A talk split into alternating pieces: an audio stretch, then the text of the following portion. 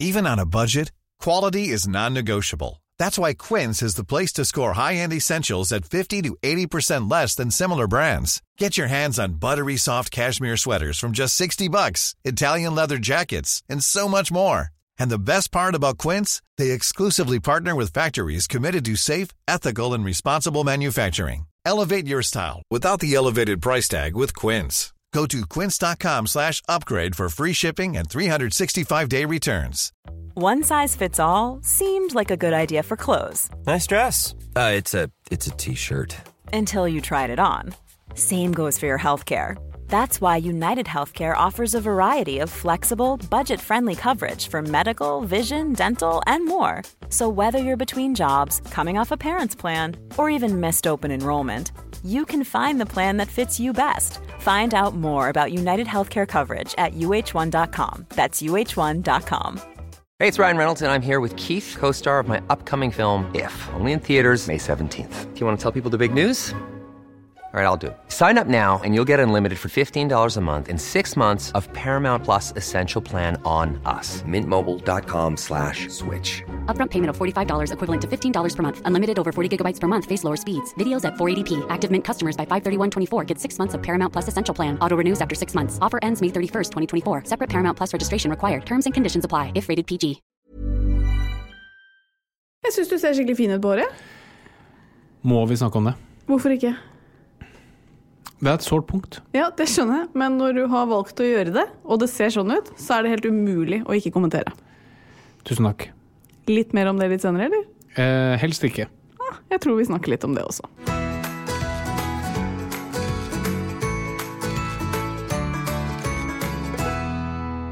Hei alle sammen, og hjertelig velkommen til Åpen journal. Tusen takk. Hyggelig å ha deg her, Harald. Takk for det. Ja, hvordan er formen din? Den er veldig bra. Takk som spør. Hvordan er formen din? Eh, jo, det er veldig bra med meg. Eh, vi har jo gledet oss til denne podkasten fordi vi syns det er innmari hyggelig å lage den. Eh, og så er det litt vanskelig å ikke se på håret ditt, men se deg i ansiktet. Men det jeg tenkte å spørre deg om nå, er litt uavhengig av håret ditt. Er du fornøyd med utseendet ditt? Ja Det føler jeg vel at jeg er. jeg, øhm, jeg føler meg som en øh, kanskje en syv. Syv av ti. Syv av ti. Og hvis jeg har um, liksom solbrun på tampen av sommeren, eh, ta et bilde av meg idet solen er i ferd med å gå ned, sånn at det er mye sånn øh, Med alt riktig, da er jeg oppe og snuser på en åtte av ti. Så bra. Syns jeg. Ja. Ja, men Det er kjempebra. Eh, fordi det er nemlig mange som ikke er fornøyd med kropp og utseendet sitt, eh, og som derfor velger å fikse på det. Og det kan være enten at de forstørrer leppene sine, forstørrer rumpa, puppene, de fjerner bukfett eller endrer på nesa si. Og i dag så skal det handle om disse kosmetiske inngrepene, som også har blitt utsatt for en del kritikk. Yes, fordi kosmetiske inngrep er blitt eh, vanligere og vanligere, og det er utrolig mange som gjør det. Så det skal vi grave litt i i dagens episode. Og så får vi besøk av en som kanskje mener noe om disse inngrepene. eh, Og en som generelt mener mye om, mye om dagen, og det er programleder, journalist, podkaster Morten Hegseth. Yes. Vi må begynne med det viktigste først. Eh, Det har skjedd mye store ting denne uka, men noe av det eh, gøyeste, syns i hvert fall jeg, er jo håret ditt, Harald. Tusen takk. Det tar jeg som et kompliment og går videre til neste punkt i manus. Nei, vi skal dvele litt ved det. Altså, du har jo et eh, Jeg kan si det, jeg syns du har et utrolig fint hår. Opprinnelig.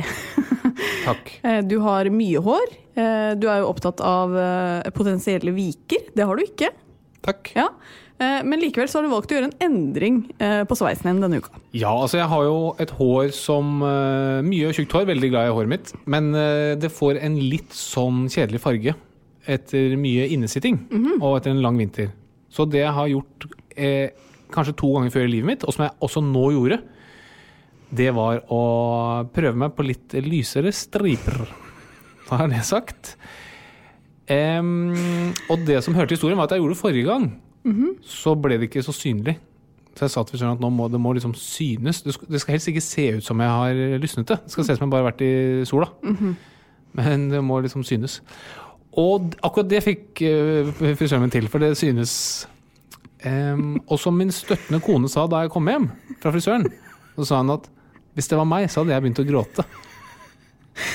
Ja, men vet du hva? Det er det morsomste jeg har sett. Fordi eh, du har fortsatt den samme sveisen, eh, og er liksom lysna på toppen. Um, og man ser det ikke sånn veldig når du har styla det, men, men når du er liksom nydusja og nytørket hår nå, så ser du opp, eh, ut som en som er med i en sånn k-pop-gruppe. Eh, Men de er jo superpopulære. de er superpopulære. Men, eh, og jeg skal ta det på min kappe at jeg, jeg, jeg syns du tok det så fint, og det var vel litt dumt av meg å si, for jeg sa vel også at jeg syns du tar dette overraskende bra, for jeg, jeg hadde jo ligget og grått. Hva er det å si? Og da sa du nå, nå blir jeg jo stressa, sa du. Og det skjønner jeg. Men eh, hva syns du nå, da, som det har gått et par dager? Um, nei, Fordelen er at man, man er jo ikke så mye sammen med folk, sånn at det er ikke så mange som kan kommentere det. Nei. Men jeg hadde ikke vært her i studio mer enn eh, 15 sekunder før vår kjære produsent Alex uh, sa at her har det skjedd noe greier og greier. Så det er, det, er feil, det er flere som sier det enn som sier så fin du er på håret. Ja. Og det, da skjønner jeg at, eh, at eh, vi, man kanskje kunne tatt en runde nummer to hos frisøren og retta opp litt. Ja, og problemet i disse dager er jo at uh, du kan på en måte ikke komme unna med å si at vi har vært i Spania. Og det ble litt lysere enn det pleier. Det, ja, dessverre. Man, må- derfor jeg bare er helt åpen og ærlig her nå. Eh, jeg har gjort det. Og det passer jo bra i og med at vi i dag skal også skal snakke om mer invasive estetiske ting. Ja. Dette, dette er jo en rent estetisk jåleting å lyse håret sitt. Det er det. Eh, men eh, ikke så farlig å gjøre, i hvert fall. Eh, det spørs jo litt, da. det kan jo gå utover samlivet, som det har gjort hos oss. eh, men sånn rent komplikasjonsmessig så er det lav risiko. Ja. Jeg så jo Jan Thomas har jo nå vært og, og det var det litt hårtransplantasjon han hadde gjort. Ja. Det var litt det som inspirerte meg. tenkte jeg sånn, ja ja, men da kan jeg i hvert fall lysne litt. Grann. ja. Men det er, jo, det er jo litt sånn som det er med en del sånne ting. Du skal gjerne gjøre det sånn at det ser naturlig ut. Ja. Og det var der vi kanskje dro på litt heftig nå på denne runden her. ja. Men eh, jeg syns det kler deg, Blondie. Tusen takk. Men det har jo skjedd andre ting denne uka. Det har skjedd masse denne uka her. Em, vi skal jo selge leiligheten vår. Vi skal selge leiligheten vår, og det er så vemodig. Ja, det er en fantastisk sted som vi har bodd i i seks år. Hvor det har skjedd eh, saker og ting. Hva mener du med det? Vi har laga barn. Harald Tomblaug. Seks år med trening og ett uh, blinkskudd. Nei, men i alle dager, Harald. Ja. Vi skal selge leiligheten vår. Det er det vi skal snakke om. Ja, det, ja, det skal vi snakke om. Den er superfin. Jeg tror, ikke, jeg tror ikke du selger den mer at folk må tenke på at vi har lagd barn i den leiligheten. Hvis man, hvis man blir en eller annen utrolig historisk figur, mm. så har det mye å si. For, for eksempel, da. Bygget vi bor i, det, der bodde Asbjørnsen. Han som er i Asbjørnsen og Mo. Hæ? Ja, det Nei. vet du.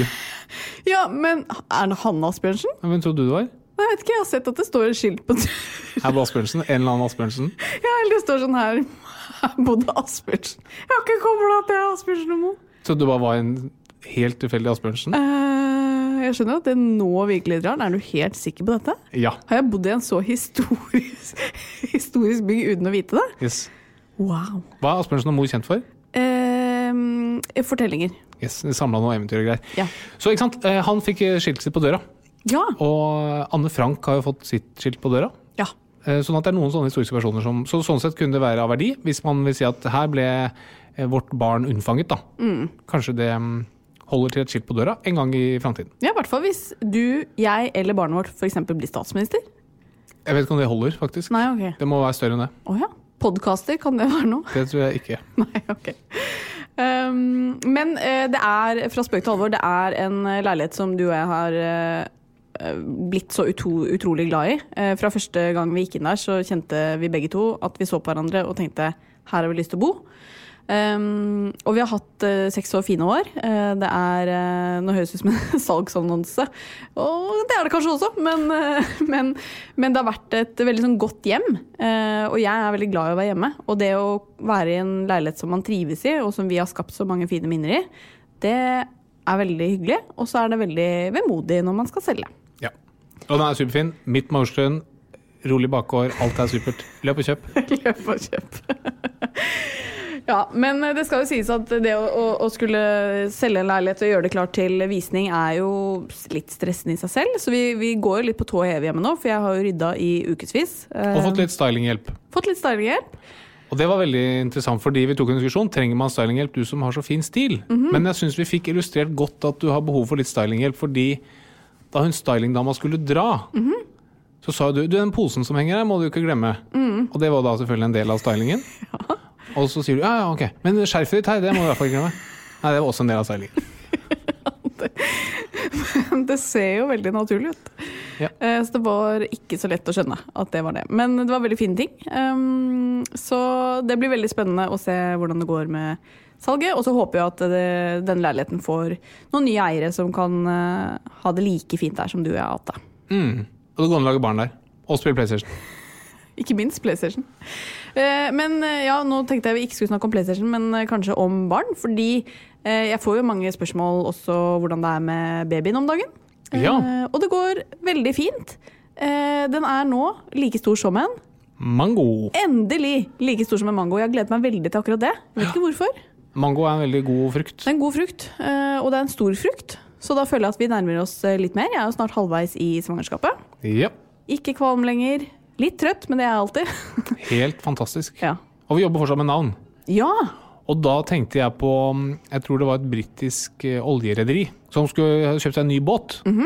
Og måten, De tenkte også navn på den båten. Og det de gjorde, de hadde konkurranse på nett, hvor man kunne stemme fram det navnet man likte best. Og da måtte eh, dette rederiet sette det navnet på den båten. ja. Men det båtnavnet som vant, det var Boaty McBoatface. Som er min, mitt favorittbåtnavn gjennom tidene. Og jeg tenkte på da om vi kanskje skulle gjøre det. Altså lage en poll på hvilket navn folk syns vi burde ha på barnet. Ja, og da tenker du at man bare helt ukritisk tar det navnet som folk da stemmer på? Det ville jo gjort det mye morsommere, for hvis, hvis det ikke er noe bindende kontrakt, så gidder man ikke gjøre Nei, det. er enig. Men hvis jeg kan risikere at uh, ungen må hete Boat, Boaty McBoatface Ja, eller da- måtte vært Childy McChildface, for ja, eksempel. Da. jeg, jeg kjenner ikke umiddelbart at jeg blir veldig lysten på det, nei. Nei, og det er ingen annonsører som har bitt på de forslagene vi hadde forrige uke heller. nei. Men det var en som sendte oss et bilde av en liten unge som het Jan Halvard. Veldig hyggelig. Det var veldig koselig. Og det så ut som en veldig blid og fin liten gutt. Ja, så hvis vi får en gutt, så kan det hende at eh, plutselig det navnet er aktuelt igjen. Jeg vet Ja. ikke. Dette er en shout-out til Jan Halvard. Navnejakten fortsetter i hvert fall.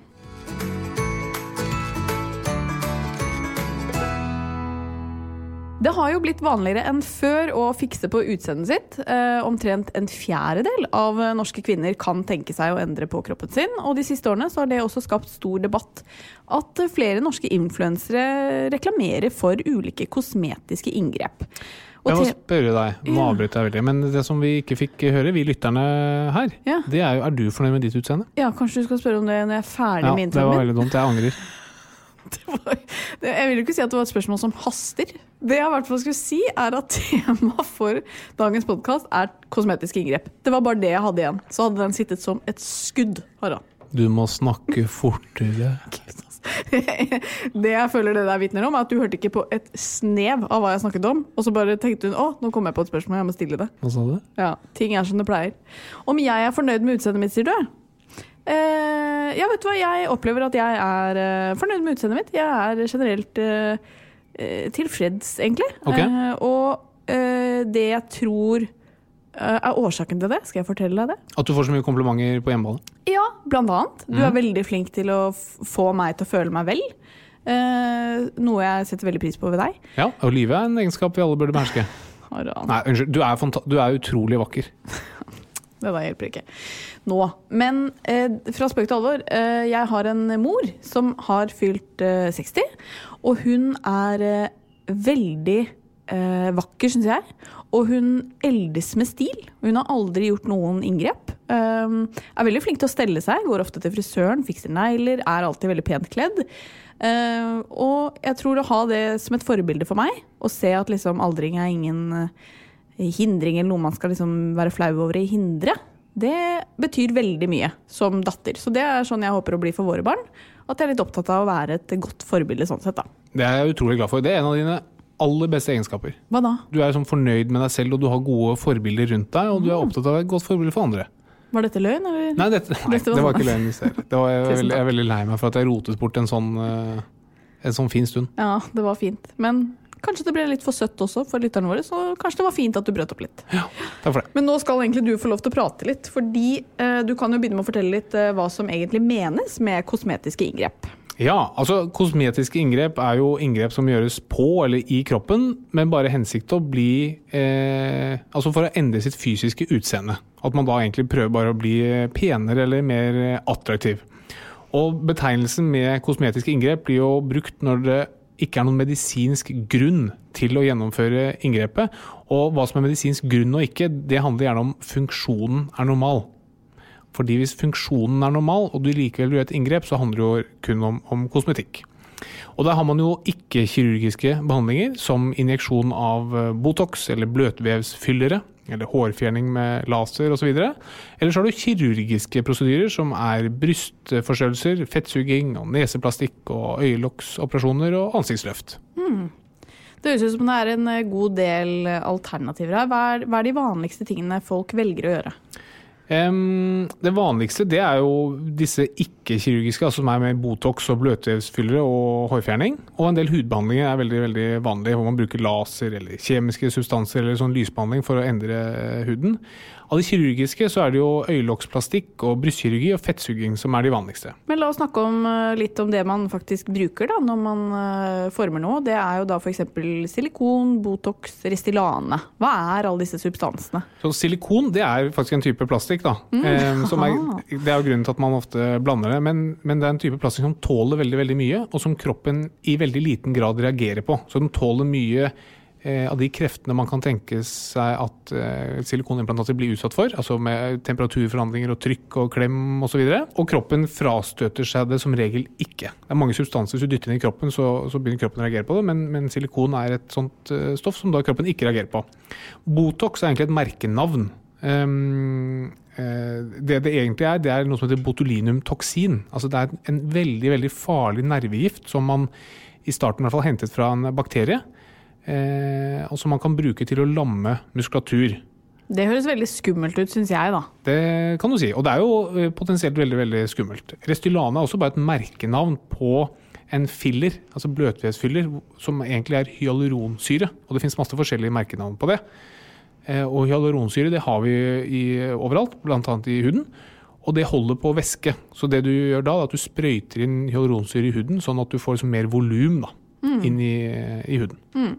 Men dette med at det høres skummelt ut, uh, der er jeg sikkert uh, litt Jeg er skeptisk til mye av dette, for jeg syns det er skummelt å putte noe inn i kroppen som, ikke, som ikke, skal egentlig være der. men, og vi vet jo at det ikke er liksom, risikofritt å gjøre. Kan ikke du fortelle litt om de vanligste komplikasjonene som kan oppstå med disse inngrepene? Ja, så, sånn Botulinumtoksin, sånn som Botox er en variant av, det er jo en nervegift som vi snakket om. og det den gjør at den lammer muskulaturen, Eh, fordi en ting som bidrar til rynker, det er at du har muskulatur under huden som trekker seg sammen, som skaper rynker i huden. Så hvis du lammer muskulaturen under, så, så er, flates huden ut. da. Men i og med at sant, det er et veldig farlig stoff, og det lammer jo alt du eh, sprøyter det inn i, så det som kan skje der, er jo at du lammer feil muskulatur. Og det som skjer sånn, i hvert fall innimellom, det er at du lammer øyelokksmuskulatur og øyenbrynsmuskulatur, så du får liksom et sånn hengende øye. Fordelen er jo at eh, virkningen av Botox går jo over i løpet av noen måneder, sånn at det retter seg mm, som regel alltid. Du går med hengende øyelokk et eh, halvt år, da? Ja, det er, altså absolutt. Ja. Det er ikke ufarlig. Men, men eh, altså, i og med at det er så potent og mm. farlig, så må du vite hvor du skal sprøyte dette inn for å få den effekten du ønsker, uten å få uønskede effekter av det. Um, og samme med, også med sånn Restylane eller sånn hyaluronsyre, filler. Det um, er jo også et stoff som ikke kroppen reagerer på, i og med at det fins i kroppen fra før av. Men sprøyter du det feil sted, så kan det være veldig veldig farlig. Og Det ene kan være at liksom, trykket, at du sprøyter inn så høyt uh, altså du sprøyter inn så mye at trykket blir så høyt at blodet ikke klarer å passere. Mm. Eller at du kan sprøyte rett inn i en blodåre, som gjør at den blodåren tettes og vevet rundt ikke får blod, som er ekstremt farlig. Og alt som, hver gang du lager hull på huden med en sprøyte for å sprøyte inn det ene eller andre, gir en risiko for infeksjon. Da. Men heldigvis er det relativt um, sjelden. Med de større kirurgiske inngrepene så er jo det mye mer potensielle komplikasjoner der. All form for kirurgi innebærer jo en høy risiko. Det må man alltid tenke på før man legger seg under kniven. De vanligste tingene er at du kan få blødning selvfølgelig eh, i området hvor du er operert, eller at du kan få infeksjoner, eller andre komplikasjoner kan oppstå i forbindelse med f.eks. narkose som man må gjennom for en sånn operasjon. Ja, og, og man hører jo om disse som eh, ikke nødvendigvis bare gjør det i Norge, men som reiser til utlandet, til Tyrkia, for å, for å gjøre det kanskje litt billigere. Eh, hva tenker du som lege om det? Nei, Det syns jeg er helt uh, håpløst uh, sånn medisinsk. Da ville jeg heller dratt til utlandet, uh, smuglet narkotika inn i Norge, solgt den, og så gått til en norsk kirurg. Jeg vil ikke anbefale det heller. Ja, men det, beste, det beste er selvfølgelig ikke å bli operert i det hele tatt. Men, men altså, det er noen ting jeg syns det er greit å spare penger på. Men akkurat der tror jeg ikke jeg ville spart noe særlig penger. Og skulle det oppstå komplikasjoner, som du jo gjør rett som det er, så er det også veldig dumt når kirurgen er i et helt annet land, eller man kanskje ikke er vant med operasjonsteknikken i Norge osv. Så, videre. så hvis du først skal gjøre det, så ville jeg gjort det i Norge. Jeg ville vært opptatt av kvalitet framfor pris. På, på den type ting. Det er ikke at jeg hiver rundt meg med penger, og jeg handler heller på en matbutikk som er billigere enn andre varianter.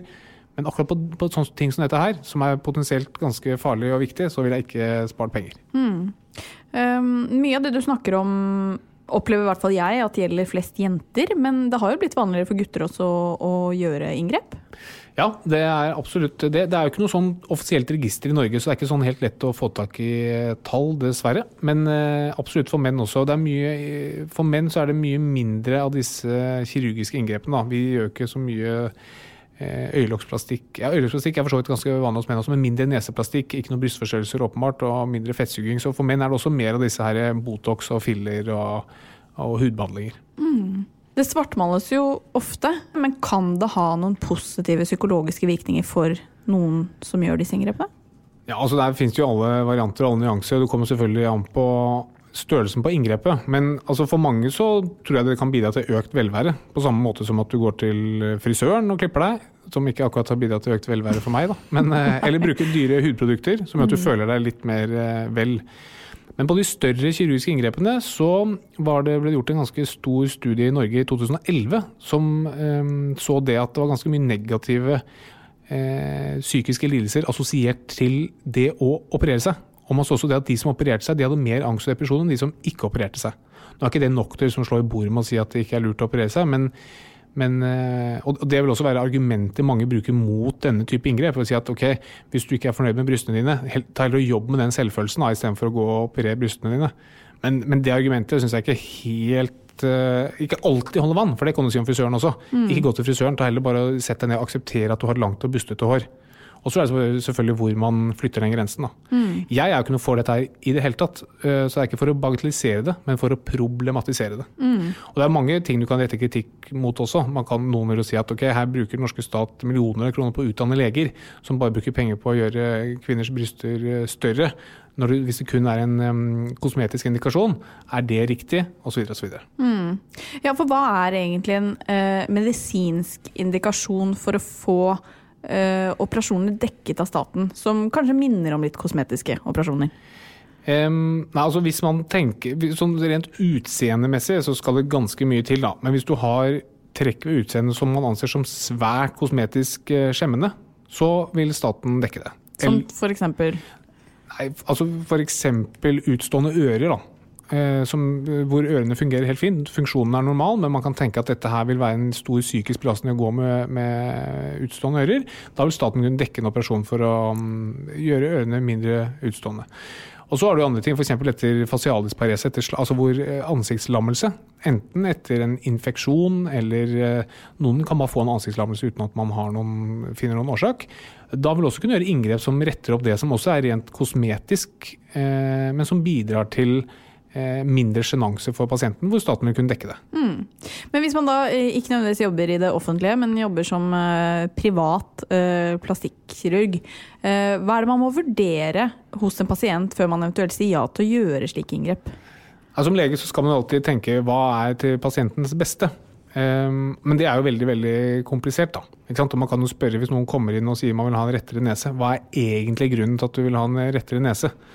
Eh, og Det er selvfølgelig dilemmaet man står i. Skal man da operere, eller skal man ikke operere? Det som er veldig fint i Norge, for det meste av kirurgien som gjennomføres i Norge, er at den gjennomføres av folk som ikke har noen personlig interesse av å operere deg. Så Jeg jobbet jo på en kirurgisk avdeling på sykehus her. og gjorde jo mange operasjonsvurderinger. Og det å kunne si til folk at bare husk det at når jeg sier enten ja, vi opererer eller jeg vil ikke, så hva jeg liker eller min lønn eller sånt, det spiller ingen rolle. Det er kun til ditt beste. Og det er, det er en utrolig viktig egenskap, tror jeg, som eh, man må nyte når man får den muligheten som pasient, og tenke at hva, legen bryr seg kun om mitt beste. Altså, man kunne jo tenke seg at som plastikkirurg så lønnen din øker jo for hver operasjon du gjør. Og man kunne jo tenke seg at det teoretisk da er en sannsynlighet for at man da vil operere eh, mest mulig for å tjene mest mulig penger. Og så vil noen si at nei, nei, det etiske står eh, sentralt, og det er det viktigste. Og eh, jeg skal ikke ta noe stilling til hva jeg mener, jeg. Men eh, jeg tror man i hvert fall skal huske på det. At hver gang man skal bli vurdert for en operasjon, jo mer uavhengig den kirurgen er, jo bedre er det. Ja, og jeg håper ikke jeg har vært verken advokat for en eller andre. Jeg tror jeg prøver å legge fram nøkkelen. Jeg har ingen eh, aksjer i noe som har med dette å gjøre. Nei. Nei, for det skal jo sies at dette er jo et eh, betent tema som har skapt en del, eh, en del eh, diskusjon. Eh, særlig fordi mange har reklamert for eh, ulike inngrep.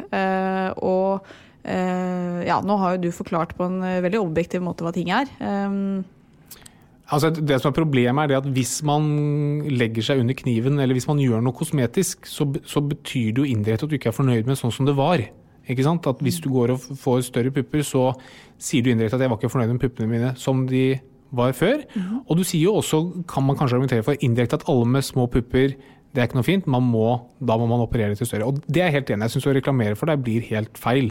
Men du kan også si det på meg. ikke sant? Nå har Harald vært og lysnet håret. Betyr det at alle som har det kjedelige grå hårfargen som han har fra før, eh, er mindre verdt, eller ikke sånn? Jeg skjønner absolutt at jeg kan være også utsatt for den type kritikk. Og Det er derfor jeg tror at det er vanskelig å sette noe klart skille, for hvor går skillet mellom farge håret og operere inn større bryster? Jeg skjønner jo altså at det er en forskjell der, men, men jeg tror ikke det er noen sånn helt tydelig klar grense. Er grensen når du setter en kniv i huden? Hvor går den? Jeg vil bare problematisere det uten å mene at jeg har noe fasitsvar. da. Ja, og problemet blir vel, blir vel også fort at eh, syns i hvert fall jeg at når influensere som har ekstremt mange følgere, eh, fraskriver seg eh, rollen som en, et forbilde og sier at jeg er ikke et forbilde, jeg gjør bare det som er riktig for meg. Så lenge du har flere hundre tusen som følger deg, så mener jeg at da føl- medfølger et naturlig ansvar, hvor man må tenke litt mer gjennom hva man i hvert fall deler med de hundre tusen følgerne. da. Det er jeg helt enig i. og Man må jo skjønne det at hvis man har flere titalls tusen følgere, så blir man sett opp til. Og det man gjør, påvirker mange andre. Eh, Og hvis man da er en eh, frontfigur for denne type inngrep, så vil det bety at flere gjør det. Og det betyr indirekte at flere blir misfornøyd med sånn som de ser ut. Og det er ikke den veien de må gå. Vi må gå andre vei. Vi må si du ser fantastisk ut, du er helt super akkurat som du er. Sånn som vi har snakket om i Helsetips før. Se deg selv i speilet og fortell deg selv noe hyggelig hver Ja. eneste dag. Det er det vi trenger. Ikke å se større tits og større rumper osv. Og nå fikk jeg litt dårlig samvittighet fordi jeg har kalt deg blondie og sier at du er litt lys, lysere i håret enn du pleier. Du er veldig fin. Tusen takk. Det mener jeg. Jeg vet at du ikke mener det, men jeg vet at du mener eh, at du er glad i meg. Ja, men det er jeg virkelig. har dårlig samvittighet. Ja, det fikk jeg faktisk veldig nå. Eh, nå, fikk jeg, nå må jeg shame litt på meg selv her. Nå fikk jeg kasta stein i glasshus. Men eh, du er jo et godt forbilde som viser at det, det, Som står fram med at det kanskje ikke ble så bra som du trodde. Kan vi snu det til det? Er det et program på TV som heter The Hairdressers Catastrophes? Der hadde du fått vært med. Men nå er jeg dårlig samvittighet overfor min frisør, for jeg sa jo jeg var fornøyd. da. Det var jeg som ba om dette her. Så dette går på meg, ikke på min frisør. Ok, den er grei. Samfunnet løses jo mer og mer opp nå, og det er mange ting som blir lov igjen etter en lang tid med mange restriksjoner. Eh, Og i dagens lille koronaspalte så tenkte jeg vi skulle snakke om nettopp det. Eh, Fordi eh, fra en leges ståsted så lurte jeg på, er det noen ting du tenker at vi faktisk bør slutte med for godt nå? Altså f.eks. håndhilsing, klemming. Eller tenker du at når koronaen endelig er over, så kan vi gå tilbake til helt normale tilstander igjen? Ja, jeg tror egentlig jeg tror vi skal tilbake til mm, nesten helt normale tilstander. Kanskje man skal være litt mer obs på å ikke hoste i hendene, f.eks. Eh, ikke spytte på gata når det er masse folk rundt seg. Kanskje det ene jeg kunne tenke meg, er jo at man eh, Altså jeg er blitt litt mer fan av diktatur, egentlig, etter koronakrisen. Fordi det er veldig mange fordeler med sosialdemokratiet som vi har, hvor, hvor, alle stemmer er like mye verdt. Det er jeg veldig glad for. Men problemet er det at da drukner korrekte råd og riktig informasjon drukner i sånn visvas av føleri og folk som tenker at det de mener og syns er like viktig som det en, en uh... Cool fact a crocodile can't stick out its tongue. Also, you can get health insurance for a month or just under a year in some states. United Healthcare short term insurance plans, underwritten by Golden Rule Insurance Company, offer flexible, budget friendly coverage for you. Learn more at uh1.com. Hey, it's Paige DeSorbo from Giggly Squad. High quality fashion without the price tag? Say hello to Quince. I'm snagging high end essentials like cozy cashmere sweaters, sleek leather jackets, fine jewelry, and so much more. With Quince being 50 to 80% less than similar brands. And they partner with factories that prioritize safe, ethical, and responsible manufacturing. I love that. Luxury quality within reach. Go to quince.com slash style to get free shipping and 365 day returns on your next order. Quince.com slash style. Hey, it's Ryan Reynolds, and I'm here with Keith, co star of my upcoming film, If, only in theaters, May 17th. Do you want to tell people the big news? All right, I'll do it. Sign up now and you'll get unlimited for $15 a month in six months of Paramount Plus Essential Plan on us. Mintmobile.com slash switch. Upfront payment of $45 equivalent to $15 per month. Unlimited over 40 gigabytes per month. Face lower speeds. Videos at 480p. Active Mint customers by 531.24 get six months of Paramount Plus Essential Plan. Auto renews after six months. Offer ends May 31st, 2024. Separate Paramount Plus registration required. Terms and conditions apply if rated PG. Profesjonell person mener og syns. Det håper jeg kanskje vi kan gå litt bort fra. Jeg har sett borti England, der har de jo tenkt at det er disse 5G-mastene som sprer korona, og disse har vært brent ned. Jeg lurer på om det var Woody Harroldson som også delte en sånn eh, artikkel som, som, sa det, da, at det var eh, disse 5G-mobilmastene som spredte koronavirus. Det er veldig dumt. Mm. Eh, og kanskje fremover så man tenker at shit, vi, måten vi taklet dette her på i Norge var fantastisk bra. Eh, disse ekspertene som eh, hevdet at de var eksperter i starten, og som hadde egentlig objektive meritter til å støtte at de var eksperter, de hadde faktisk rett. At man viser eh, den type folk litt mer respekt fremover ved å si at du hva, jeg er kanskje uenig, og jeg kan, jeg kan, ikke helt skjønne dette her, men jeg bare stoler på at det du gjør er riktig. Mm. Dagens uh, lille kloke ord, vil jeg si. Takk. Med Billigmiddag fra Ekstra får du alltid 20% på et kylling, kjøtt, fisk og vegetarprodukt. Nå får du bl.a. 20% på kyllingfilet, kjøttdeig av svin, fiskegrateng og vegetarburger. Så se til billigmiddagssymbolet neste gang du er hos Ekstra, og gjør middagen billig.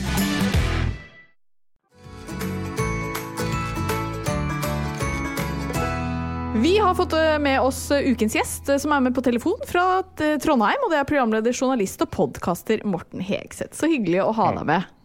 Så hyggelig. Jeg må bare konstatere at du allerede har sagt én ting feil. Det er fordi det er på hytta på Larkollen. Å, så koselig! Ja, det er så koselig. Fordi eh, når jeg har vært i Trøndelag i eh, Jeg kom jo hjem fra Argentina eh, etter å ha lagd Love Island på TV 2, da jeg bodde to måneder på hotellrom. Og så kom jeg hjem til min mann, og vi er ganske vant til å være borte fra hverandre. Og så kom vi hjem til sånn Nå er dere låst inne i samme hus på uant tid uten noen mulighet for uh, uh, hotell eller fravær. Så uh, jeg trodde at man nesten ble gal. Fordi man, det ble, var kombinert med at mens jeg satt og så på Instastoryene dine Katarina, i Oslo med sånn Herregud, sommer! Og så hadde vi snøstorm i Eh, seriøst tre uker i strekk, så jeg drev og liksom måka snø mens dere la ut sånne flotte solbilder. Så jeg holdt på å bli gæren. Så nå er jeg veldig sånn Jeg føler jeg er i send eh, nå som jeg er på hytta på Dalkorn. For det er veldig fint vær og deilig å være her. Ja, altså Hvordan har det egentlig vært med deg i denne perioden? Har du, har du gått på veggen? Mm, jeg skulle gjerne sagt sånn Nei, det har gått kjempefint. Jeg har sagt namaste og aldri hatt det bedre. Men jeg er ikke så veldig god på øh, å bli låst inn, på en måte. Uh, jeg, jeg, jeg, får litt sånn det, det, høres veldig klisjé ut å si det, men da sitter jeg og grubler og tenker, og sånne ting så jeg er ikke så veldig god på det. Men det gikk liksom sånn, og så gikk det sånn, og så nå er vi på sånn stabil uh, greie. Så nå begynner det å gå bedre. Men jeg er ikke så veldig god på å være, liksom, være isolert fysisk og i eget hode. Sånn, det var jo, Du pekte først litt nedover, og så bortover, og så oppover, da. For de som ikke ser eh, Morten Hegseth. Ja, beklager. Jeg glemte at det her ikke var TV. Så du har endt Akkurat nå er du oppe igjen, på en måte? Ja, nå er jeg oppe igjen, ja. Men, ja, nå er jeg det. Men jeg, jeg syns ikke det er så hyggelig at liksom, samfunnet stopper opp. Jeg liker at liksom, jula går litt, på en måte. Men uh, det er jo luksusproblem. eh, .com, eh, så jeg har vært heldig. Jeg har ikke mista jobben. Jeg har liksom fortsatt å jobbe og har liksom Jeg har hatt det veldig bra sammenligna med veldig mange andre, så jeg har ikke hatt nå innså jeg sjøl at jeg klagde på noe som jeg ikke skulle ha klagd over. Prøver å hente deg inn igjen? ja. Men dette å være låst inne på et lite rom med mannen sin i to måneder, det høres ut som en drøm for Katarina i hvert fall. Ja, men jeg var ikke låst inne på et lite rom vet du, med mannen min i to måneder. Jeg var låst inne Altså jeg var på et hotellrom i Argentina aleine i to Alene, måneder. Og så ble jeg låst inne i et hus med mannen. Så det, altså, sånn sett så er det jo det er, kun, det er jo fint, men det ble litt tett òg, siden jeg er slurvemonster som trenger på en måte eh, en hotellperson som rydder etter meg, mens mannen min er sånn American Psycho-aktig ryddig. Så han holdt på å bli gæren av at jeg kom hjem enda mer rotete og slurvete enn hva jeg noen gang har vært. Men du har vært med på Big Brother, altså hvor du også ble låst inne i et hus. Ja, bra, Katarina. Ja, ja, ja. Tar inn gamle historier.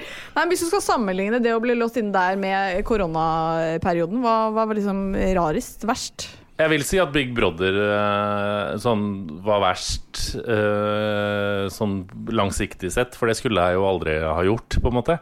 Eh, Hvorfor og ikke? Det er jo ingen som Nei, jeg veit ikke. Eh, trengte jeg egentlig å være Altså, jeg var jo inne i 14 dager i et Big Brother-hus der jeg på en måte ble drita og eh, ikke liksom eh, Promoterte meg ikke særlig altså, Det var jo ikke spesielt sjarmerende, på en måte. Uh, så jeg tenker sånn heller, heller Nei, det kan jeg heller ikke si. Heller karantene enn Big Brother, ikke korona enn Big Brother. Nei, Jeg det er heller- sant. Nei, jeg hadde, jeg hadde gått, gått i Big Brother-huset for korona. Det hadde jeg gjort. Ja, og jeg tenker det at Jeg vet jo at du har liksom etterlyst gøye og litt mer kanskje spennende reality-deltakere, så jeg tenker at det at du var sånn som du var, er jo egentlig bare akkurat sånn vi vil ha det, er det ikke det? Jo da, det er fint. det. Det er bare så dumt at når det Jeg, jeg, jeg, har, jeg hadde fylleangst for at jeg var med i Big Brother i kanskje åtte år etterpå. Nå står jeg mer stødig i det, men eh, eh, ja. Det var gøy. Ja, jeg hadde ikke gjort det igjen. Det Men tenkte du noen gang på, da du var innelåst i huset med mannen din, å sette opp noen kameraer der, og så prøve å selge det konseptet til noen? Nei, jeg tenkte ikke den tanken, for det tror jeg hadde blitt fryktelig kjedelig. Fordi eh, det besto i at man sto opp. Han satt på kontoret og jobba. Jeg satt Han sitter jo nede på kontoret hos oss og jobber. Han jo, har jo en ekte jobb. ehm, I motsetning til meg. Du skulle jo eh, ledet Gullruten for aller første gang, eh, men pga. av korona så har det blitt avlyst. Hvordan kjennes det ut?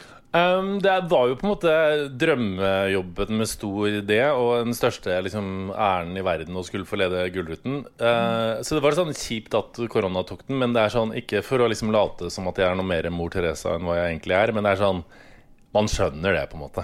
Det fins verre ting enn å ikke skulle lede Gullruten. Jeg tenker sånn at det Ja, ja, det er kjedelig at man ikke på en måte fikk gjennomført Gullruten. Først og fremst for at det er det er så gøy. på en måte Du veit jo alt om det der. Pynte seg av sol og Bergen og fest og TV-bransje og sånn. Men det er sånn akkurat det å måtte ofre Gullruten for eh, korona, det tenker jeg sånn Det, det skal gå greit.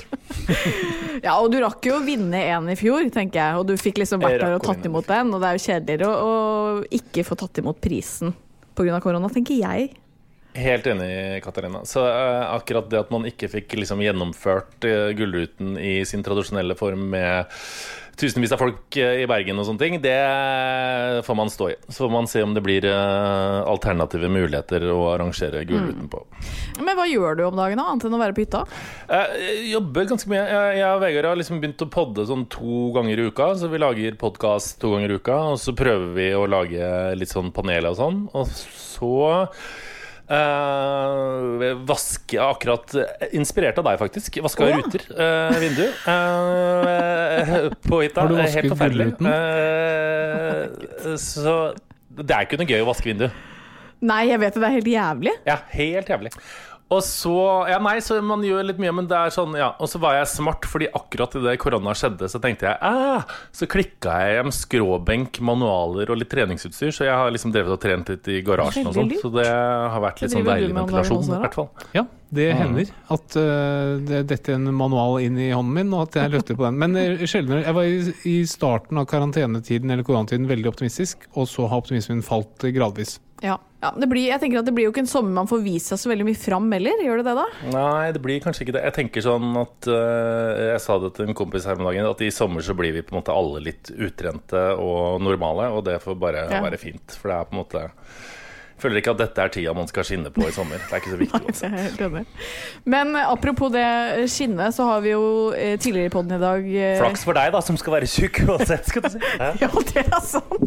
Vet du hva, det er veldig deilig. Jeg syns det er veldig digg at ikke alle andre skal sprade rundt i tidenes bikinikropp. Men eh, det skal sies, akkurat nå så er jeg på et stadium hvor jeg syns det bare er veldig stas å legge på meg, hvis du skjønner. At for hver dag så er man sånn åh, jeg har gått opp litt til.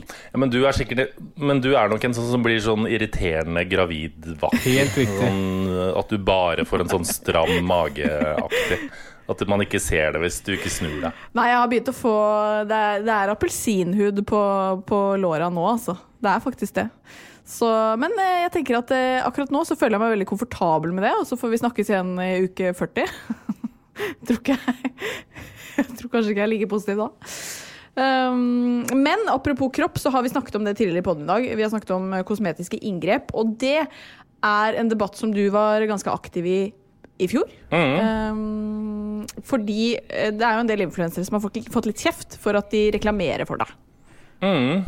Eh, hva tenker du om det i dag? Jeg tenker at heldigvis så øh, har man på en måte Jeg liksom alltid Jeg forandrer meg ganske mye, men jeg har alltid liksom vært liksom klare prinsipper mot sånne ting. Og jeg tenker sånn eh, det at man gjør ting, på en måte, det syns jeg man på en måte ikke har noe rett til å kjefte på eller kritisere. Og det kan sikkert være fint og flott, det, men akkurat det å reklamere for liksom kosmetiske inngrep, det tenker jeg er litt sånn eh, idiotisk og teit. Fordi selv om man liksom fikser på det ene og det andre, og det er helt ok, så er det et eller annet med at den unge målgruppa på en måte ikke trenger å eh, eksponeres for inngrep via liksom sosiale medier. Fordi det er et eller annet med at når man er ung, så skjønner man på en måte ikke helt forskjellen på det ene og det andre. Og det er litt sånn, Jeg òg kan gå liksom på sånn hva skal jeg si for noe, juice-dietter, som jeg sikkert har gjort et par ganger. Men legger man det ut, så kan det fort sånn, hende at en 14-åring ser det og tenker at man skal slanke seg på fun light, på en måte. Jeg tenker at sånn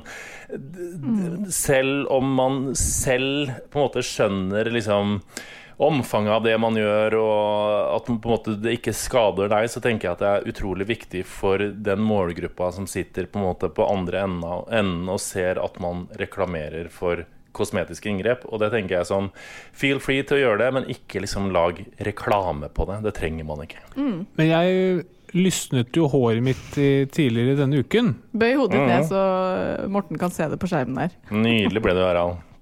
Burde jeg unngå å ta bilde av meg selv og legge det ut på Instagram i fare for signalene jeg sender ut til mine følgere?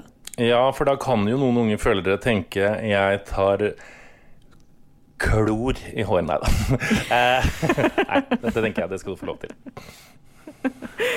Ja, det ble nok litt lysere Men jeg, men jeg merker jo at det blir sånn øh, Og det er litt sånn Det som irriterer meg med å bli voksen nå, er sånn Når jeg var yngre, på en måte, og dette sier du var i fjor, men det er litt sånn jeg hadde mye sånn klarere, sterkere meninger rundt sånne ting da jeg var yngre. Jeg var veldig sånn bastant.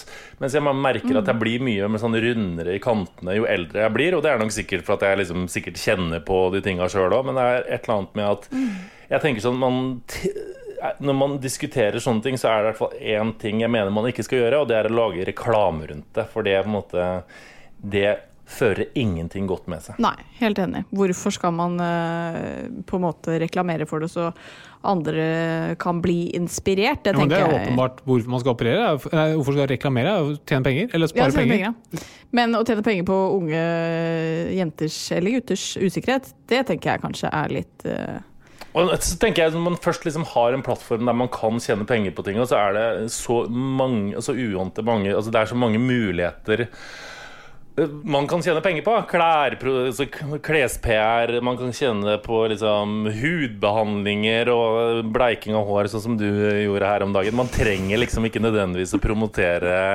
fettsuging, silikon og fillers for å tjene penger. Da kan man gjøre det et annet sted. Ja, mulighetene er mange. Ja. Men eh, det er jo, vi er jo liksom innenfor helse når vi snakker om eh, dette. Mm. Hvor opptatt er du av egen helse, Morten? Eh, ganske. Men det går litt sånn i perioder. Jeg kan få litt sånn ehm, Jeg trener ganske mye. eh, og det er litt sånn for å holde huet på plass. Og for at jeg liksom, det, handler mer, det handler jo mer om velvære enn at jeg går og frykter hjerte- og karsykdommer i 30 år fram i tid, nødvendigvis.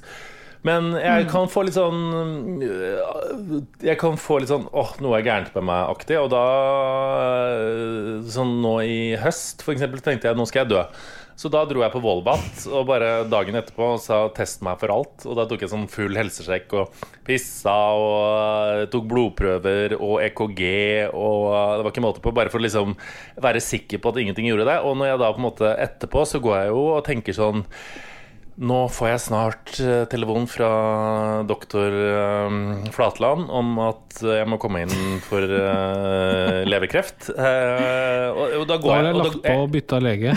ja, men, jeg, men jeg, går- jeg går og tenker sånn. altså. Jeg går og tenker sånn nå, Ja, det gjør det. Dette er de to siste dagene jeg har som frisk. Etterpå er jeg fanga i sykdom. Og så satt jeg der og tenkte det sånn en og en halv dag etterpå, så jeg, fikk jeg sånn mail sånn Du har fått digipost av Volvat. Jeg, så- jeg så for meg liksom, Der kom diagnosene på digipost, og da sa Anders du hadde ikke fått digipost om du hadde hatt kreft. Eh, Så da sjekka jeg det, og så var jeg frisk. Og da kjente jeg sånn enorm lettelse. Så for min egen del så tror jeg at uh, jeg ser at det er sånn stor diskusjon om det der, at man ikke skal gå og teste seg om man ikke liksom blør fra rasshølet og spyr galle, på en måte. Men jeg tror sånn for min egen psykiske helse så tror jeg at det er lurt å teste seg litt, bare for å vite at man ikke skal dø.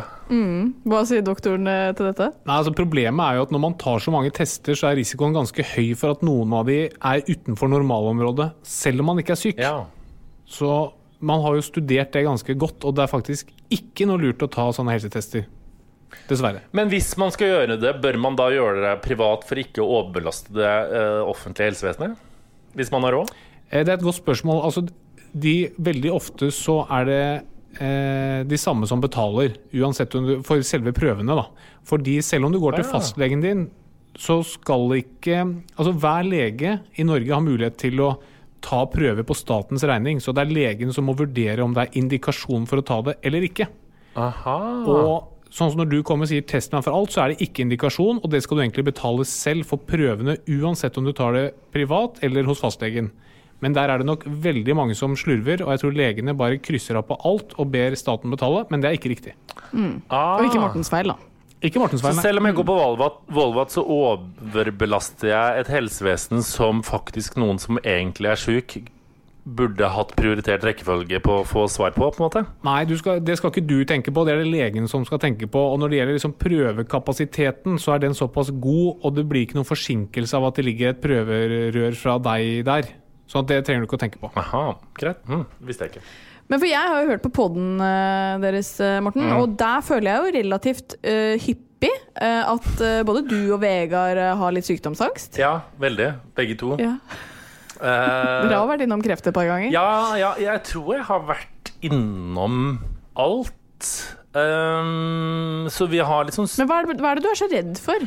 Jeg tror nok det bunner i at jeg er livredd for å dø. Livredd for å dø. Det har jeg alltid vært. Jeg har så dødsangst. Uh, og så er det et eller annet med at jeg òg er livredd for å være på en måte en belastning. Altså sånn, Nå må vi hente Morten med Altså ikke, at jeg, ikke at jeg skal tenke at, at de som er syke, er en belastning, men jeg bare sånn, for det tenker jo ikke jeg. Men jeg bare sånn, det er nok liksom dødsangsten liksom, det grunner i. At jeg er livredd på en måte for å få en beskjed om at jeg liksom har en sykdom og har kort tid igjen. Og det er ikke sånn Jeg er ikke redd for sånn type hva skal jeg si for noe?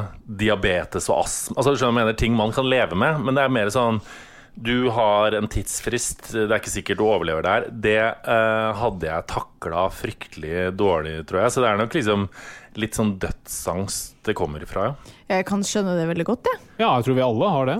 Ja, men jeg tror sånn jeg føler at noen har mer sånn avklart forhold til det. Sånn, ja, ja, ja, skjer det, så skjer det, på en måte. Men og jeg- det er ikke sånn at jeg går rundt på en sånn konstant dødsangst nå, det, men den kan komme og gå i perioder. eh, Så det er nok det det skyldes. Men jeg har blitt jævla mye bedre med åra. eh, Men det er nok sånn sykdoms... Hvis det er noen ting, på en måte, så kan jeg Hvis jeg har influensa, så kan jeg godt tenke sånn hm, Er det noe mer?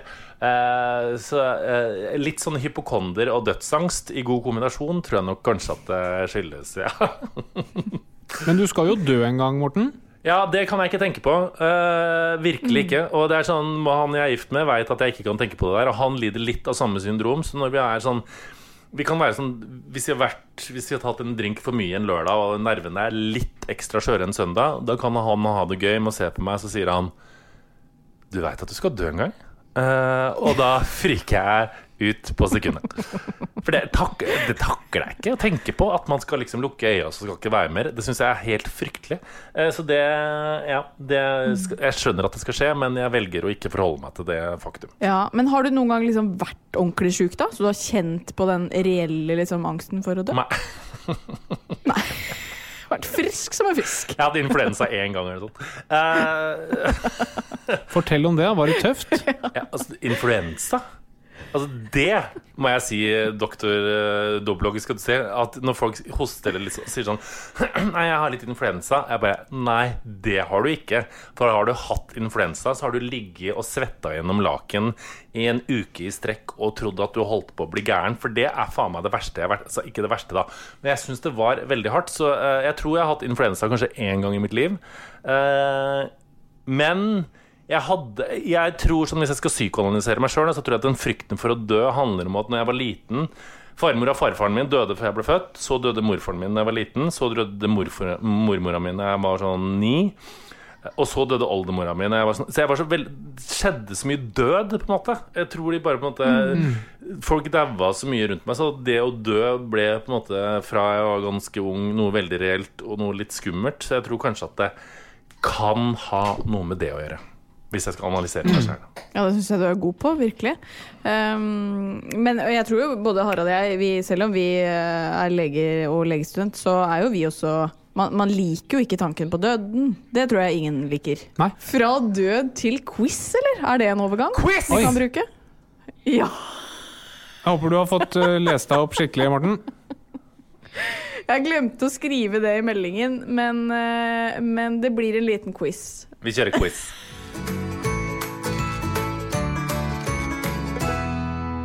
Ja, Er dere klare? Ja, vi er kjempeklare, vi. Nå har jo stemningen dratt veldig opp da, Ja. av denne dødspraten, så det vil jeg bare takke for. ja. Men vi går rett på sak. Starter med deg, Morten Hegseth. Vi leger jobber jo under det viktige prinsippet do no harm. Betyr det at vi ikke kan ha sex med Vegard Harm? Det håper jeg ikke. Nei, det, det tror jeg ikke Det tror jeg er ikke. eh, riktig. Det tror jeg ikke. Riktig, Det er riktig. det er riktig, det er riktig ja. Det okay, utelukker flott. ikke det. Skjønner du nivået på quizen? Ja, ok, bra. Dette kan jeg leve med. Ja. Neste spørsmål. Da starter vi med Katarina Flatland. Hvor mange gram silikon er det vanlig å sette inn i brystene når man opererer seg med brystforstørrelse? Hva er liksom gjennomsnittspersonen pleier å ta? Ja. Eh, kanskje 150 150 gram? Ok. Morten? 300. Helt riktig. 300 gram er helt riktig. Morten Hegseth. Wow! Yes! jeg kan leve med at jeg ikke svarer riktig på silikonspørsmål. Neste spørsmål starter med Morten. Blir man lettere eller vanskeligere å drukne hvis man har silikonbryster? Vanskeligere. Katarina? Ja, jeg vil også tenke det, at de flyter. Nei, det er faktisk lettere å drukne der, fordi silikonomplantater de synker. Å ja. Det er noe å tenke på før man opererer, men det er veldig lite. da. Det er, veldig Ja. lite. Så man burde drukne influensere, da, med andre ord. Det er jo en sånn naturlig evolusjon at de som får for mye silikon, de bare de drukner naturlig. Et spørsmål starter med Katarina. Hva er sammenhengen mellom et rakfisklag og en sinnarynke?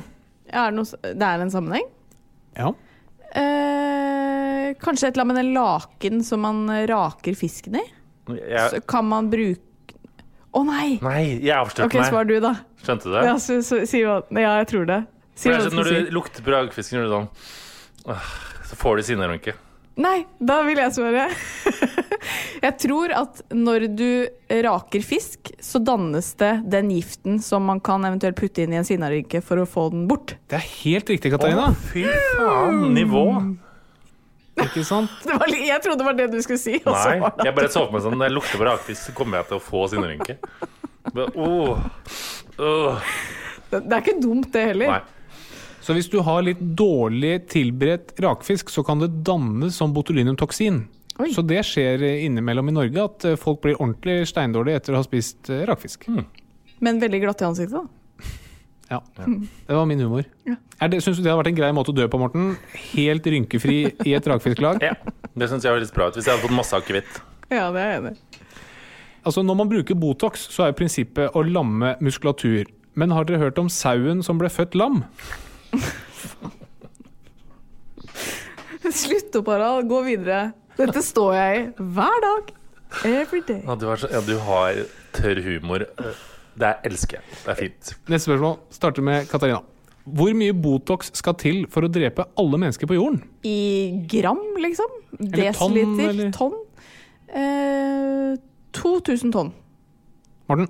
Sikkert øh, jeg, jeg, jeg vet ikke. Jeg, jeg aner ikke. Pass. Noen gram? Ikke mer? Nei. Hæ?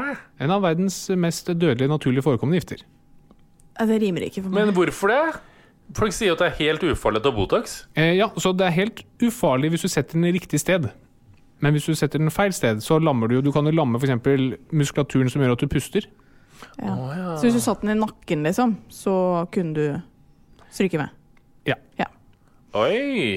Og da var det ikke mye som skulle til? Et par gram, sa du? Har ikke mer enn noen gram. Herregud. Neste spørsmål. Hvor mange prosent av amerikanere gjennomgikk kosmetiske inngrep i 2018? Starter med Morten 2 Heks. Hvor mye? 2 To prosent. Det Nå, var mye, da. Oh, ja, nei, jeg tenker enda mye mer. jeg. Husk at kosmetiske inngrep er jo alt fra litt Restylane i leppene, liksom, til puppeløft. Mm. Jeg vil kanskje si 7 Riktig svar er 6 Å, satan, kødder du? Hva er det mest vanlige, da? Det vanligste er som Katarina sier, Botox og fillere og ah, ja. peeling og sånn. Og fettsuging, sikkert. Ja, det òg. Da er vi kommet til siste spørsmål. Starter med Morten Hegseth. Får du lengre sykemelding jo større tits du opererer inn? Nei, du får ikke sykemelding av kosmetiske inngrep. Hva sier du, Katarina? Uh, nei, det vil jeg svare nei på, ja. Det er Morten Hegseth. Det er helt rett. Du, får ikke, du har ikke rett til sykepenger når det er for kosmetisk kirurgi. Veldig bra, Morten. Takk Gud, da. Ja, Da det vant eh, Morten. Og du har vunnet en eh, boobjob. Vunnet en boobjob? En boobjob? Du, det har jeg sett at blitt ganske vanlig på menn. Har du sett det? Ja, det Ja. er noen sånne implantater som um, ja, men tar, ja, jo, jeg trodde også de tok bort, ja. Men Ja, De fjerner damepupper, men de tar også og setter inn så det ser ut som de har eh, sixpack og sånne store mannemuskler. Mens du, ditt naut, trener på treningsstudio for å oppnå det samme som du kan få til bare en time under kniven. Jeg vet det. Det er uh, dårlig eh, prioritering. Man burde jo heller Nei da, det burde man ikke. Det burde man ikke. Åh, nei, men Dette var veldig fint. Tusen takk, Morten, for at du, for at du deler din kunnskap i denne quizen. Dette var øh, lærerikt, Harald. Takk Tusen til deg for både gode og mindre gode spørsmål. Veldig bra. Um, før vi avslutter, har du et helsetips øh, denne uka, Harald? Ja. Og ukens helsetips det er at hvis du bruker Botox eller filler, så ta og finn en eller annen eh, halvobjektiv tredjepart du kan spørre er det nok nå. Fordi man blir veldig ofte litt fartsblind, særlig når det gjelder fillere. Fordi man venner seg til at leppene er større og større, så dytter man bare mer og mer inn. Og da kan man etter hvert se litt sånn rar ut. Så finn noen som ikke ser deg så ofte, så man kan si at du, nå holder det liksom, for nå du ser fin ut, men ikke noe mer. Hva hadde du sagt hvis Katarina kom og sa at hun hadde lyst til, lyst til å få leppene sine? Ikke tenk at hun er gravid og skal ha barn, og sånn nå, men hvis hun hadde vært sånn Harald, jeg har lyst på større pupper og en litt finere rumpe og eh, bedre munn. Hadde du sagt Fyldige lepper. Hvor betaler jeg? Nei, Skjønner du? Nei da. Nei, um, det jeg hadde sagt eh, Jeg tror jeg hadde sagt 'hvorfor vil du det'? Hva er det som eh, jeg ikke gjør bra nok for deg, som gjør at du trenger det? Fordi det syns jeg absolutt ikke du skal. Men hvis hun hadde gjort det Altså, jeg hadde ikke liksom stoppet henne, på en måte. Altså Hvis hun vil det, så syns jeg det er helt opp til henne å gjøre det. Men, men jeg hadde mm, gjort mitt for å prøve å unngå det. Bra. Det er en fin kjæreste. Der føler jeg meg privilegert. Når det kommer til humoren hans, så kan vi jo diskutere hvor heldig jeg kanskje er. Men jo da, menn med tørr humor er veldig sjarmerende. Og når han i tillegg er lege og veldig kjekk, så syns jeg du har scora ti av ti. Yes. Tusen Det er takk! voldsomt, Morten. Ekstra poeng, ekstra poeng til Morten Hegseth. Man spiser den enda mer. Du, Morten, det var veldig koselig å ha deg med. Nå syns jeg du skal gå ut i sola på Larkollen og kose deg på hytta. Jeg skal vaske vinduer, men takk som drømmer. Kos deg med det. Veldig koselig at du var med. Vi er tilbake neste uke. Ha det! da! Plan B. Even when we're on a budget, we still deserve nice things. Quince is a place to scoop up stunning high-end goods for 50 to 80% less than similar brands. They have buttery soft cashmere sweaters starting at $50, luxurious Italian leather bags, and so much more. Plus, Quince only works with factories that use safe, ethical, and responsible manufacturing. Get the high-end goods you'll love without the high price tag with Quince. Go to quince.com slash style for free shipping and 365-day returns. Mom deserves the best, and there's no better place to shop for Mother's Day than Whole Foods Market. They're your destination for unbeatable savings, from premium gifts to show-stopping flowers and irresistible desserts. Start by saving 33% with Prime on all body care and candles. Then get a 15-stem bunch of tulips for just $9.99 each with Prime. Round out Mom's menu with festive rosé, irresistible berry chantilly cake, and more special treats. Come celebrate Mother's Day at Whole Foods Market. Imagine the softest sheets you've ever felt. Now imagine them getting even softer over time. That's what you'll feel with Bowl and Branch's organic cotton sheets. In a recent customer survey, 96% replied that Bowl and Branch sheets get softer with every wash. Start getting your best night's sleep in these sheets that get softer and softer for years to come. Try their sheets with a 30-night guarantee. Plus, get 15% off your first order at bowlandbranch.com. Code BUTTERY. Exclusions apply. See site for details.